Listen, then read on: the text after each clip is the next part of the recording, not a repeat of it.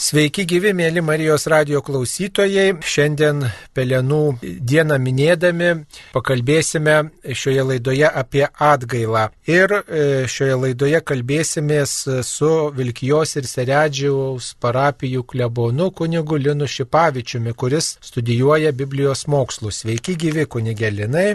Jėzui Kristui, mėly Marijos radijos klausytojai. Taigi gavėnios laikas, prasidėjusi gavėnė, mus kviečia svarstyti apie Jėzaus Kristaus atliktą darbą, apie jo mirtį ir prisikėlimą ir taip pat kaip mes priimam šitą jo atliktą užmojį. Ir šventajame rašte skaitome tokį kvietimą atsiversti kad e, tam, kad priimtume Jėzaus Kristaus e, darbą, kad priimtume Jėzaus Kristaus atliktą mirtį ir prisikėlimą už mus paukotą, esam kviečiami vis dėlto atsiverti ir atsiversti. Štai atsiverčiame laišką romiečiams ir čia tokia skaitome eilutę laiško romiečiams antrasis skyrius Ketvirtoji eilutė. Kaip drįsti niekinti Dievo gerumo ir pakantumo bei kantrumo lobius?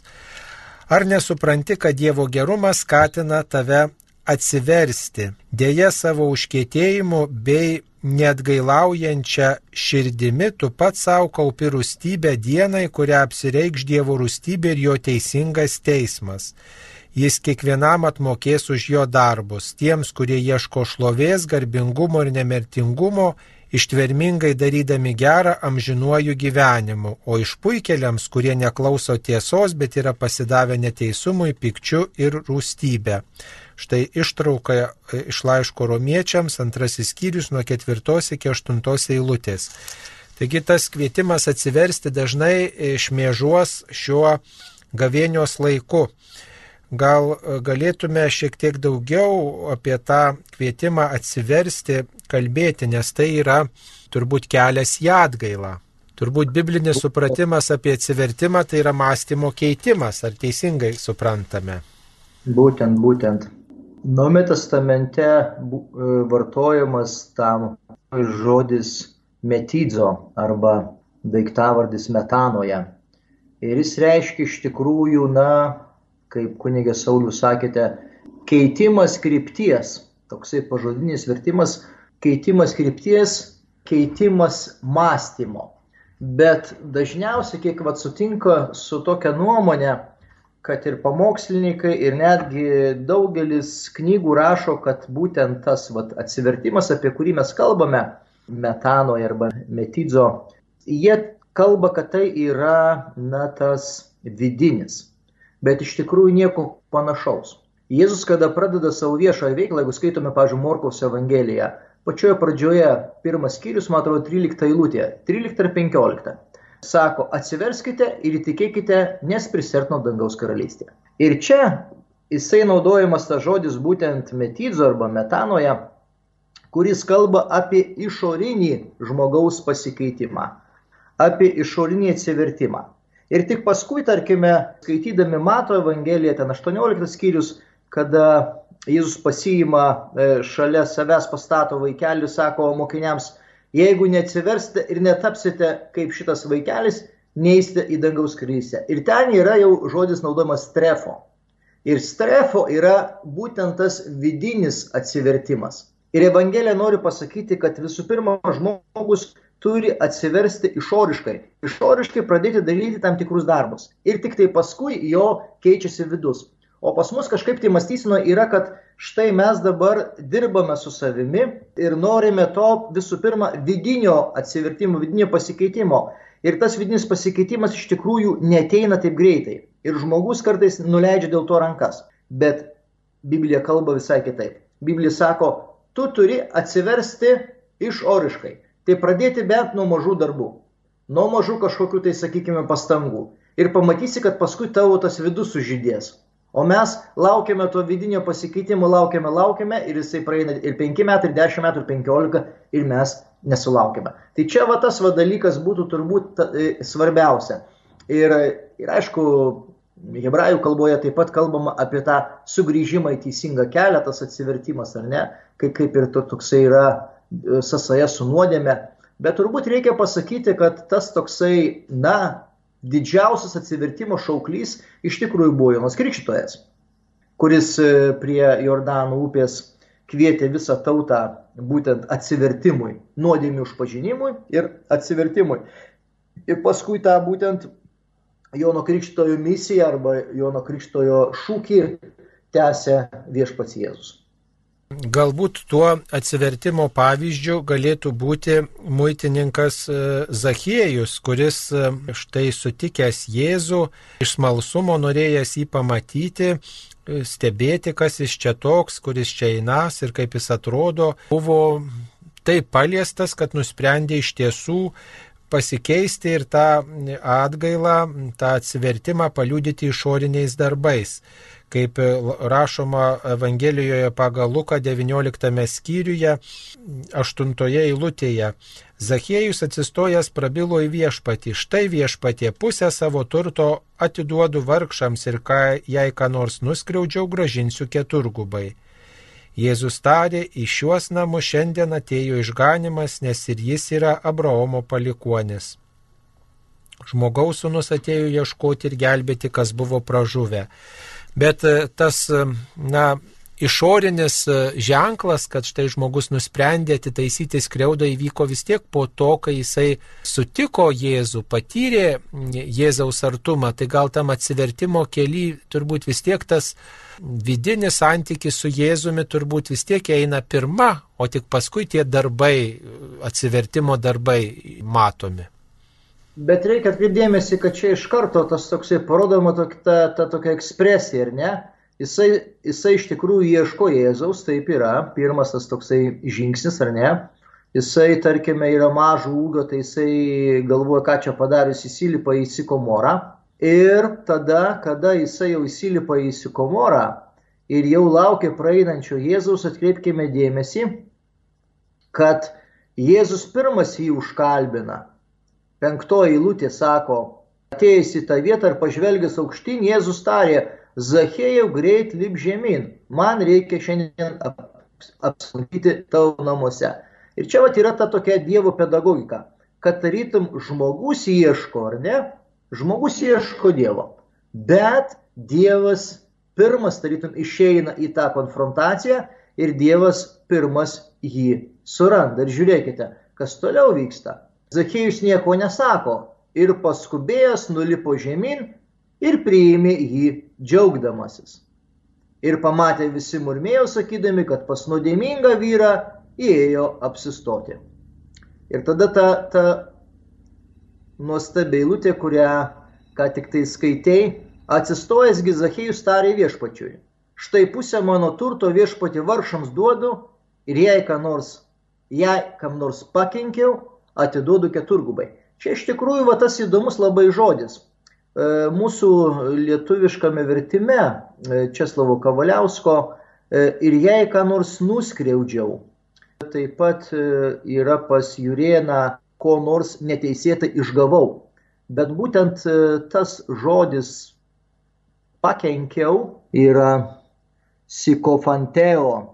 Jisai reiškia ne tik tai pakenkti, bet iš tikrųjų reiškia pakengti įskūsdamas arba šantažuodamas.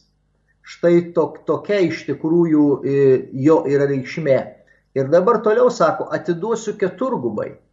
Tai yra Seno testamento įstatymas, kada žmogus e, turi atlyginti skriaudą. Ir skriaudos atlyginimas keturgubai yra pati didžiausia. Tarkime, jeigu tu pavogdavai jautį, tu turėdavai atiduoti keturis jaučius. Jeigu tu pavogdavai aviną, tu turėdavai atiduoti du avinus. Tai va čia jis jo parodo tą tokį atvirumą, ar ne, ir parodo tikrą tą atsivertimą, kad jisai, kada sutinka Jėzų, jisai jokių neištaria žodžių, bet jisai paprasčiausiai parodomas jo tas sugrįžimas į teisingą kelią. Čia mes galime va, būtent kalbėti apie tą atsivertimą. Ir jisai neakcentuoja dabar tų e, sukauptų turtų, kuriuos susikaupė būdamas muitinės viršininkas. Ne?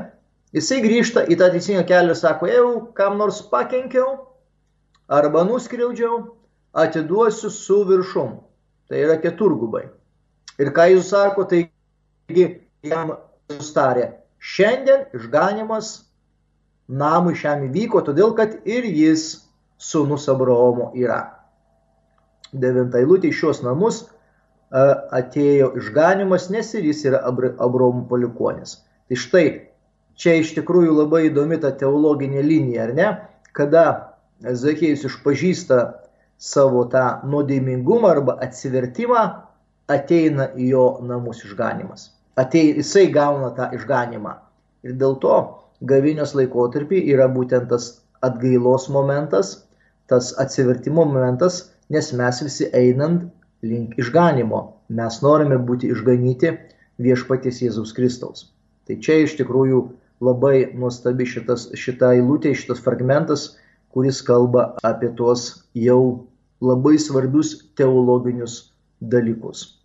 Ar tas e, atsivertimas e, turėtų visada būti siejamas su tuo teisingumo atstatymu? E, juk Dievą, jeigu atradau, atrodo, jau dabar gyvenimas turi keistis, bet turbūt visada yra tas troškimas, reikalavimas turbūt irgi iš Dievo pusės, kad mes atitaisytume padarytas kreudas. Ir galbūt šitas pavyzdys iš Luko Evangelijos 19 skyriaus apie muitininką Zachiejų mums turbūt e, ir tą ir reikštų, kad tas atsivertimas neatsiejamas nuo teisingo e, santykio atstatymų, nuo žalos atlyginimo, nuo skolų atidavimo. Būtent. Ir netgi jeigu mes žiūrėtume net iš, iš pažinties eigą, mes sutinkame, kad ten e, yra pasakyta, kad reikia atlyginti už nuodėmės, ar ne jau kažką tai padarėjai. Tai va šitoj vietoje irgi mes matome, kad tas Zachėjus iš tikrųjų parodo tą pavyzdį, na ir parodo turbūt kaip pirmoji bažnyčia, kaip Luko bažnyčia gyveno, ne? Jeigu žmogus jau patyrė atsivertimą, jisai daro tuos atitaisimo darbus, kiek įmanoma. Kiek įmanoma, jisai turi daryti tuos atitaisimo darbus. Sugražinti būtent tai, ką nuskriaudė, arba kam netidavė skolos, arba, na, neatsiprašė kažko tas atsivertimo patyrimas, dar vienas dalykas, kad jis neša didžiulį džiaugsmą. Štai garsiajame e, Luko Evangelijos 15 skyriuje, kurio kiekviena eilutė kalba apie Dievo gailestingumą ir apie žmogaus troškimą grįžti, keistis. E, Luko 15 skyriuje 7 eilutėje skaitome, taip ir danguje bus daugiau džiaugsmo dėl vieno atsivertusio nusidėjėlio negu dėl 99 teisiųjų, kuriems nereikia atsiversti šita eilutė tokius kelis dalykus kalba. Viena vertus, kad e, iš tiesų tai yra didelis džiaugsmas, jeigu žmogus nusprendžia keistis, gražinti skolas, būti kitoks negu kad buvo iki šioliai. Tai tikrai kelia didelį džiaugsmą visam dangui. Bet dar viena tokia eilutė, e, kuri sako, jog 99 teisėjai, kuriems nereikia atsiversti. Tokia mintis, kad ar yra tokių žmonių, kuriems nereikia atsiversti. Gal tie, kurie sako, kad man nereikia atsiversti, gal jiems kaip tik tai reikia iš puikybės atsiversti, iš to teisuoliškumo, kurie mano, kad viskas yra gerai su jais. Na taip, turbūt nėra tokio žmogaus, kuris, kuris yra jau šimtaprocentaliai teisus ir kuriam nereikalingas tas atsivertimas. Ir mes galbūt e, galėtume pakalbėti iš vis, na, ne žmonės įsivaizduoja atsivertimas kažkas tai labai tokio didingo, kada mes skaitome, pavyzdžiui, Augustino šventojo ir ne, išpažinimus. E, ir jisai rašo savo atsivertimą.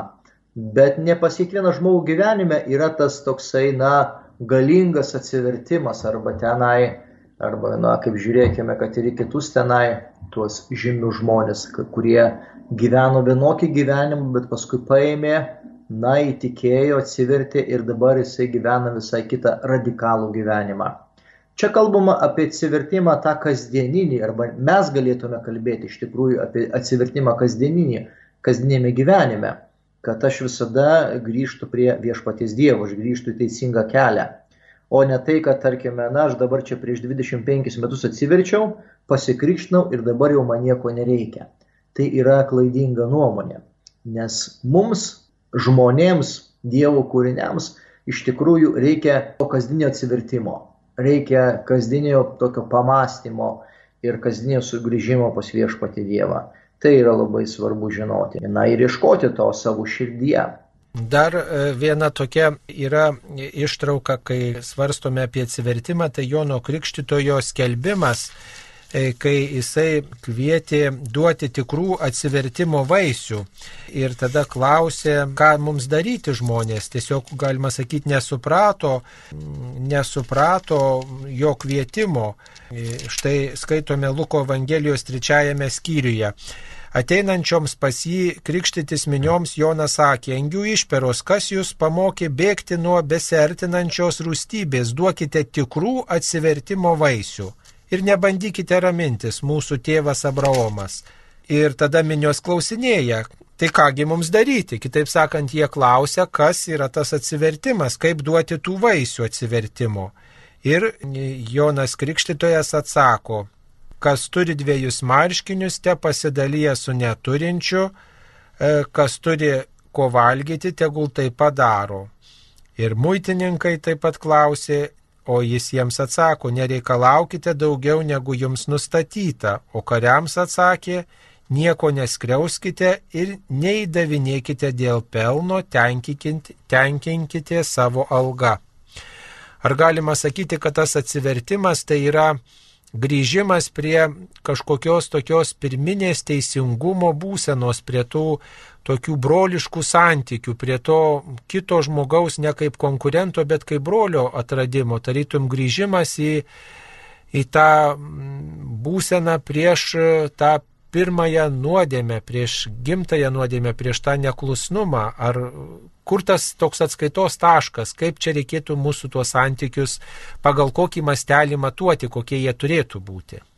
Na čia kaip, kaip ir minėjai, tas e, prigimtinis dalykas, kad žmogus iš tikrųjų prigimties pažeistas, jisai kažkaip tai, na, nuo to Dievo laikui bėgant nusisuka arba ar paprasčiausiai nukrypsta, ar paprasčiausiai pagalvoja, kad jam Dievo nereikia, jisai gali puikiai tvarkyti savo gyvenime ir be jo. Tas nutiko ir pirmiesiems tėvams. Ir dėl to, na, teologija mums aiškina, kad žmogus visada turi, na, grįžti. Grįžti prie viešpatės Dievo. Dėl to yra reikalinga liturgija, ne? Dėl to reikalingos sekmadienį mišios, kad žmogus ateitų. Jisai sugrįžtų pas viešpatį Dievą, klausytų jo žodžio ir darytų tam tikrus pasiryžimus, kurie reikalingi būtent e, šitam žemiškam gyvenimui. Bet čia labai įdomi va tai eilutė, ką skaitėjai e, Luko Evangelija 3 skyrius 14 eilutė, kada klausinėjo kariai. Taip pat ir kariai klausinėjo, ką mums daryti. Jis jiems sakė, nei iš vieno nespauskite pinigų, nei daivinėkite norėdami pasipelnyti, tenkinkitės savo algą. Ir labai įdomiai skamba pažodinis vertimas. Klausinėjo gyjo ir kariuomenėje tarnaujantys sakydami, ką turėtume daryti ir mes. Ir tarė jiems Jėzus, nieko nekankinkite arba žiauriai elgtis. Su nieko žiauriai nesielkite, galim pasakyti, ne? Nei nevarginkite arba slaptai įskūsti, šantažuoti, prievartą išgauti pinigus. Ir tenkinkitės užmokesčiu jūsų. Užmokestis čia eina kalba apie maisto davinį, nes kareivis Romos imperijos jisai gaudavo tą maisto davinį. Tai štai e, kaip iš tikrųjų atskleidžia originalus tekstas arba graikiškas tekstas Naujo testamento tą būtent Jėzaus kalbėseną, o iš kitos pusės parodo tą kareivių arba Romos legionierių na, kasdienybę. Matome, kad Romos legionierius susigaudavo kasdienį maistą, kurio jam užtekdavo ir Jėzus savo, kad to tau ir užtenka. Tai štai tokia įdomi eilutė yra trečios skyriaus keturiolikta eilutė pasitenkinti tokiu kuklumu, turbūt neskriausti kito. Vienas dalykas kukliam būti, bet kitas dalykas turbūt net ir siekiant kažko geresnio, žiūrėti, kad neskriauščiau kito. Tai irgi atsivertimo dalis gali būti teisingumo siekis. Taigi dar vienas aspektas, e, kuris lydi žmogaus atsivertimą ir atgailos išgyvenimą, tai yra liūdėsys. Ir šitai mes galime atpažinti štai Petro istorijoje. Atsiverčiame Mato Evangelijos 26 skyrių ir čia nuo 69 iki 75 eilutės aprašoma, kaip Petras išsigynė Jėzaus, kai kelis kartus paklausė jo, ar tikrai e, nebuvai su šitu žmogumi. Ir e, Petras kelis kartus pasako, aš nepažįstu to žmogaus. Ir po trečiojo karto to jau pragydo gaidys. Tada Petras prisiminė Jėzaus žodžius, dar gaidžių nepragydus, tu tris kartus manęs išsiginsi. Jis išėjo laukan ir graudžiai pravirko. Taigi tas e, tos ašaros liūdėsys dėl to, kas įvyko, turbūt gal ir yra atsivertimo pradžia ir sudaro tokį atgailos esmę, kada aš liūdžiu dėl to, kas įvyko, dėl to, ką padariau. E, turbūt e, kitaip atgailos ir negalima išgyventi ir turbūt atsivertimas kitaip neįmanomas, kaip tas e, liūdėsys dėl to, kas buvo ir tas troškimas, kad dabar bus kitaip ir aš noriu atitaisyti tai, kas, kas įvyko ir turbūt tas štai Petro liūdėsys, tos ašaros tą geriausiai išreiškia. Na čia turbūt Biblija stato tokius, į tokią konfrontaciją Petrą ir Judą Iskarijotą. Ir nori va štai būtent parodyti, kad Petras, kuris buvo, na, apaštalų tas toksai vadovas, jisai buvo vadovaujantis, paskui tapo ir, ir bažnyčios e, galva, jisai įsigynė Jėzaus. Bet e, buvo laikas, kada jisai tai pripažino ir jisai pravirko dėl savo silpnumo, dėl savo žmogiškumo, kad jisai, na, neįstovėjo. Ir paskui ten Jono Evangelijoje iš tikrųjų spūdingas yra dialogas 21 skyriui, kada Jėzus klausė pas Petrą, ar tu myli mane labiau už juos, ar ne? Ir Petras sako, viešpati, tu žinai, kad aš tave myliu. Tai va čia tarytum yra tas sugražinimas to, kas, kas ten buvo viskas sulūžinėję, suskeldinėję O Judo istorija yra kitaip. Judas padarė klaidą, kaip ir Petras padarė klaidą. Judas irgi padarė klaidą, bet Judas neparodė gailėšio.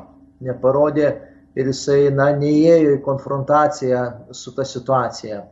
Ir kitaip pabaigė savo gyvenimą. Na, Petras, Petras irgi pabaigė kankio mirtimi, bet Petras pabaigė būtent toje garbėje šlovėje, o Judas pabaigė būtent, na, visai kitoje situacijoje. Tai galbūt per tai galėtume žiūrėti į Petro e, tą įvaizdį. Iš kitos pusės Evangelija būtent e, parodo, kad Petras labai buvo pasitikinti savimi. Skaitome vienoje vietoje ir kitoje vietoje, sako viešpatie, jei tave visi paliktų, aš tavęs nepaliksiu. Ne? Ir netgi Getsemanė, lyvų sodį įsitraukia kardą ir nukirta tarnui malkui ausį. Ne? Petras yra toksai, na, karingas, kaip psichologai dabar daro čia įvairius e, žmonių tuos e, psichologinius paveikslus, sako, Petras buvo cholerikas, ar ne?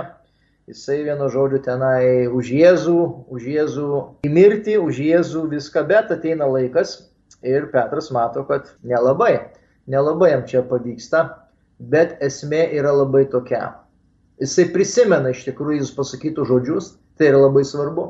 Prisiminti Dievo žodžius. Tai yra vat, jau, jau tas didžiulis žingsnis.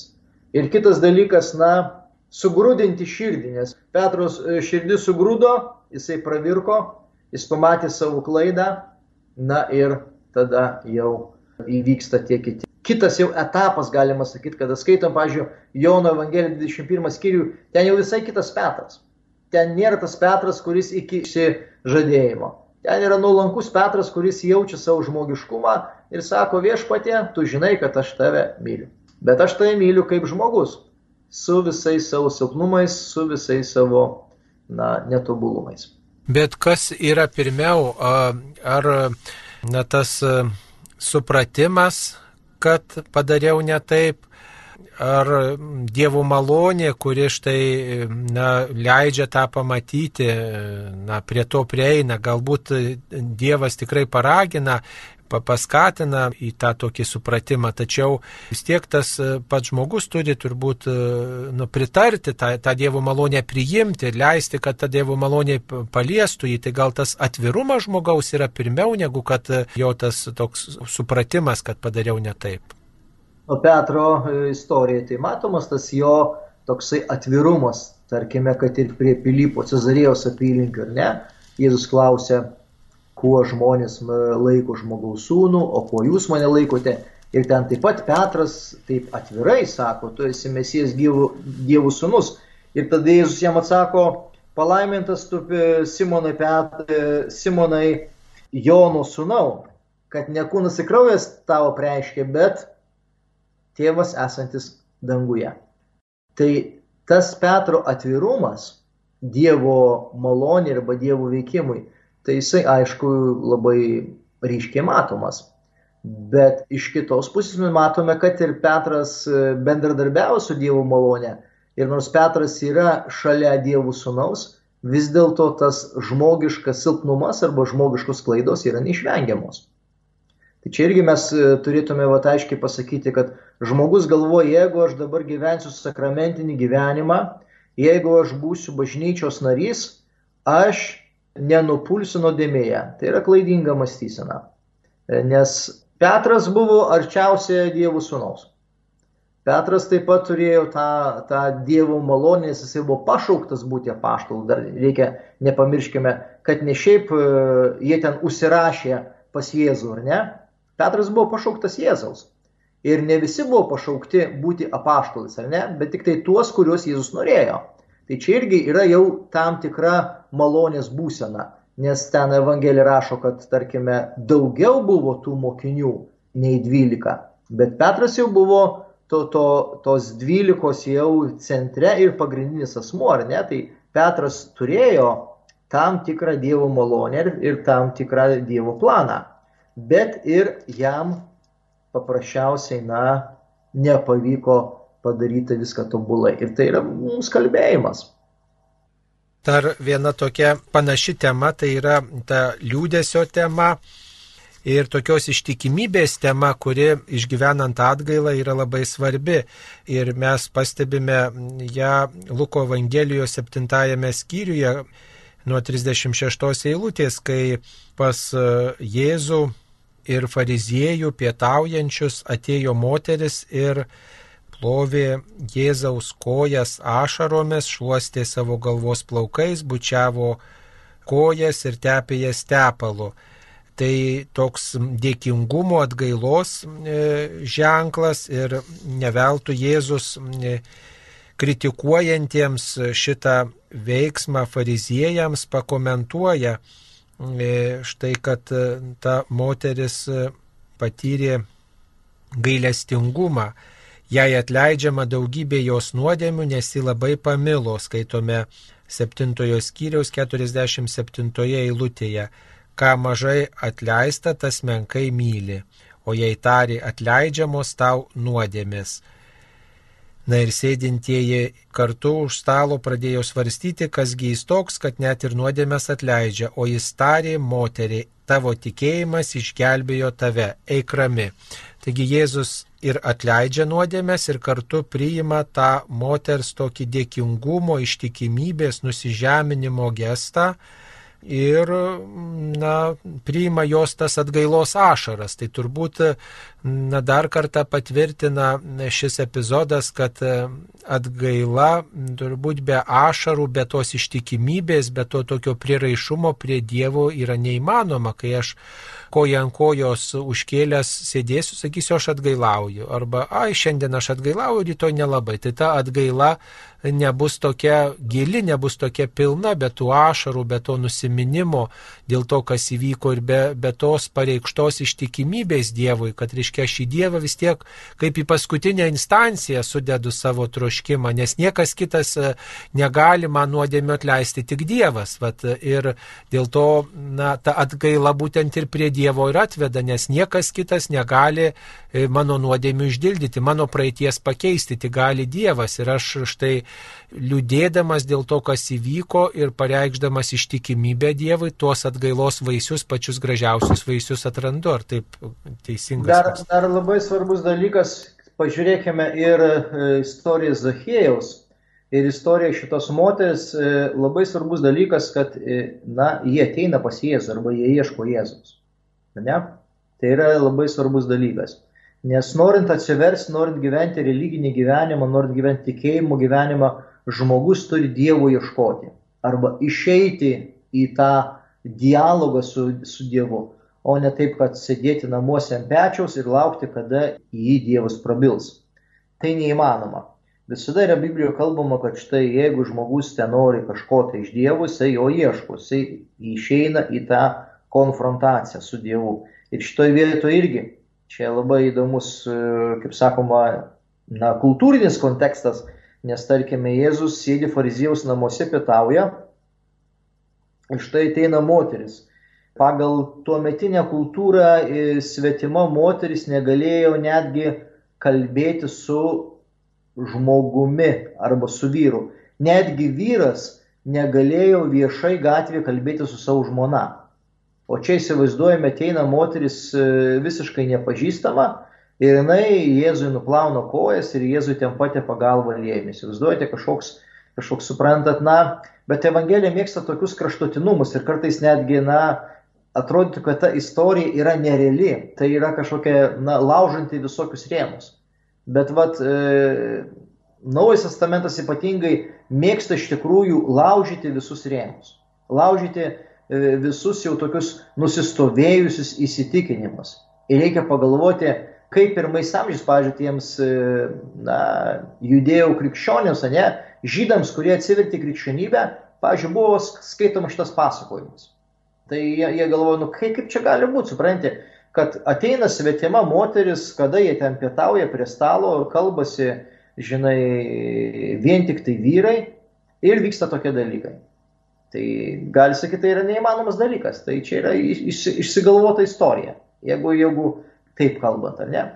Bet iš to tokios, na, tikėjimo lygmens mes matome iš tikrųjų, na, Jėzus paveikslą, kad Jėzus iš tikrųjų priima bet kokį žmogų. Jėzus priima ir moterį, Jėzus priima ir vyrą, ir vaiką, ir Jėzus priima ir nusidėjėlį, ir Jėzus priima ir tą fariziejų. Pažiūrėkime, jisai yra fariziejaus namuose kas, kas dažnai, pavyzdžiui, fariziejus jisai kritikuodavo, ar ne?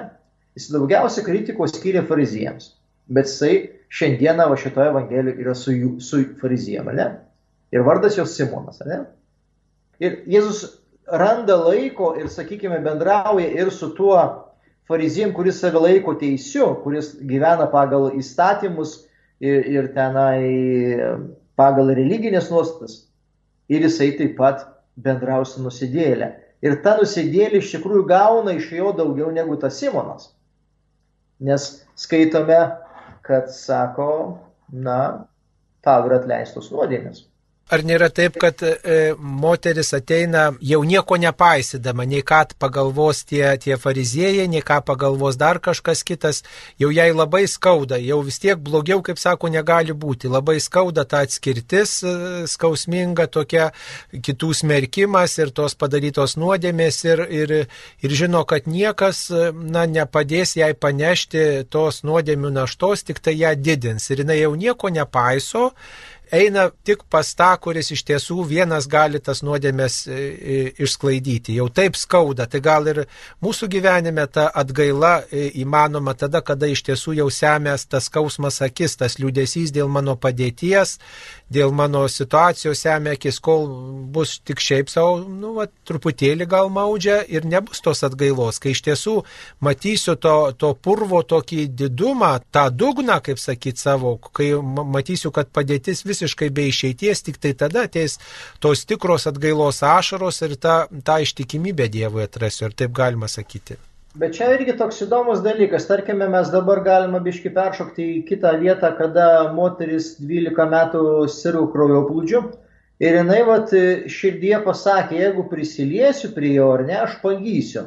Tarytum jinai vat, viduje turėjo tą intenciją, ar ne? Pa šitą moterį nėra, nėra tos vidinės intencijos, bent autoris nerašo, ne? Jinai tik tai ateina, supranti, vat, ir, ir tarkime, na, tokia jos atgailos forma, ar ne, kad jinai verkia, jinai savo plaukais nu, nu, nuplauna Jėzui kojas ir patepa, supranti, žinai, galvą. Galbūt čia tokia irgi, na, tokia teologija, kad, na, būti šalia Jėzaus, ar ne? Toksai, tokia intencija arba toksai noras būti šalia Jėzus. Ir galima tada mes truputėlį perkelti ant adoracijos teologijos, ar ne? Kad vat, kada mes ateiname į adoraciją, tai mes neturime ten kažkokių tai lūkesčių, ar ne, mes neturime ten per daug ten tų prašymų, neturime per daug ten maldų, bet mes norime būti su Jėzumi, ar ne? Ir tada, kada mes esame su Jėzumi, tada vat, įvyksta tie visi ir nuodėmio atleidimas, ir tenai išganimas, ir sako, vat, eik, tavo, tavo tikėjimas išgelbėjo tave, ar ne? Viską tu jau gauni, bet noras būti su Jėzumi. Ir man atrodo, kad tai iš vis žmogaus gal gyvenimo tikslas ar ne, tai nėra mano šitame žemiškame gyvenime tikslas gyventi pagal įsakymus ir įstatymus. Tai yra tik tai metodas arba ten yra tik tai kažkoksai tai direktyva, bet mano gyvenimo tikslas būti su Dievu. Šitame žemiškame gyvenime ir amžinybėje. Ir čia, man atrodo, va čia va, tas dalykas atsispindi kad ta moteris iš tikrųjų žudbūt norėjo būti su Jėzumi. Ir jai nesvarbu buvo, kur jisai, ar ne, ar jisai pas fariziejų namuose, ar jisai dar kažkur tai, jinai norėjo turėti arba gauti tą Dievo sunaus artumą. Ir jinai gavo, jinai gavo su kaupu. Jai buvo atleistos ir nuodėmės, ir jinai užaugino savo tikėjimą, nes Jėzus sako, tavo tikėjimas išgelbėjo tave, eik rami. Jėzus mato jos tikėjimą, ar ne? Tai yra nuostabu, kad Dievas iš tikrųjų mato mūsų tikėjimą. Einant prie Jėzaus e, ir išgyvenant e, atgailą, turbūt labai svarbu e, išpažinti ir to tiesą apie save, na, būti akiv, akistatoj su savo klaidom. Dievas atleis vieną vertus galvojam, bet kitą vertus suvokti ir savo tą padaryto blogio, blogio tokia, tokį mastą. Kartais mums atrodo, kad galim daryti, ką norim, Dievas viską atleis, bet mes tokiu būdu nesuvokiam, kiek daug iš tiesų blogio padarom. Turbūt išgyvenant atgailą yra nepaprastai svarbu ne tik tai e, suprasti, kad Dievas atleis, bet ir suprasti tą padaryto blogio skausmą, nuodėmės mūsų didumą. Apie tai galime skaityti Luko Evangelijos 23 skyriuje nuo 39 eilutės, kai Jėzus kabojo ant kryžiaus ir šalia jo buvo du nusikaltėliai. Vienas pradėjo įžeidinėti Jėzų, o kitas sudraudė jį. Skaitom 40 eilutėje. Ir Dievo tu nebijai kentėdamas tą pačią bausmę, juk mūdu teisingai gavome, ko mūsų darbai verti, o šitas nieko blogo nėra padaręs. Ir jis tarė Jėzui, Jėzau prisimink mane, kai ateisi į savo karalystę. Jėzus jam tarė, iš tiesų sakau tau, šiandien su manimi būsi rojuje. Tai čia galime turbūt išvelgti, kad žmogus priima Jėzų, pritarė, kad šitas yra teisusis, bet kartu ir išgyvena, na, tiesą dėl padarytų savo blogų darbų. Ir, reiškia, Jėzus yra vien, vienintelė tokia viltis, vienintelis teisusis, kuris kuris štai na, gali kažkaip palengvinti na, jo, jo tą apmaudą dėl padaryto blogo darbo, bet jisai suvokia, kad štai na, teisingą atpildą gavome. Ir mums turbūt kartais reikia išgyvenant atgailą suprasti, kad padarėm tikrai labai blogai ir čia tai yra didelis nusikaltimas, ką mes padarėm. Suvokti to nusikaltimo mastą, ar ne taip? Čia labai svarbi šitą eilutę 42. Jėzu prisimink mane, kai ateisi į savo karalystę.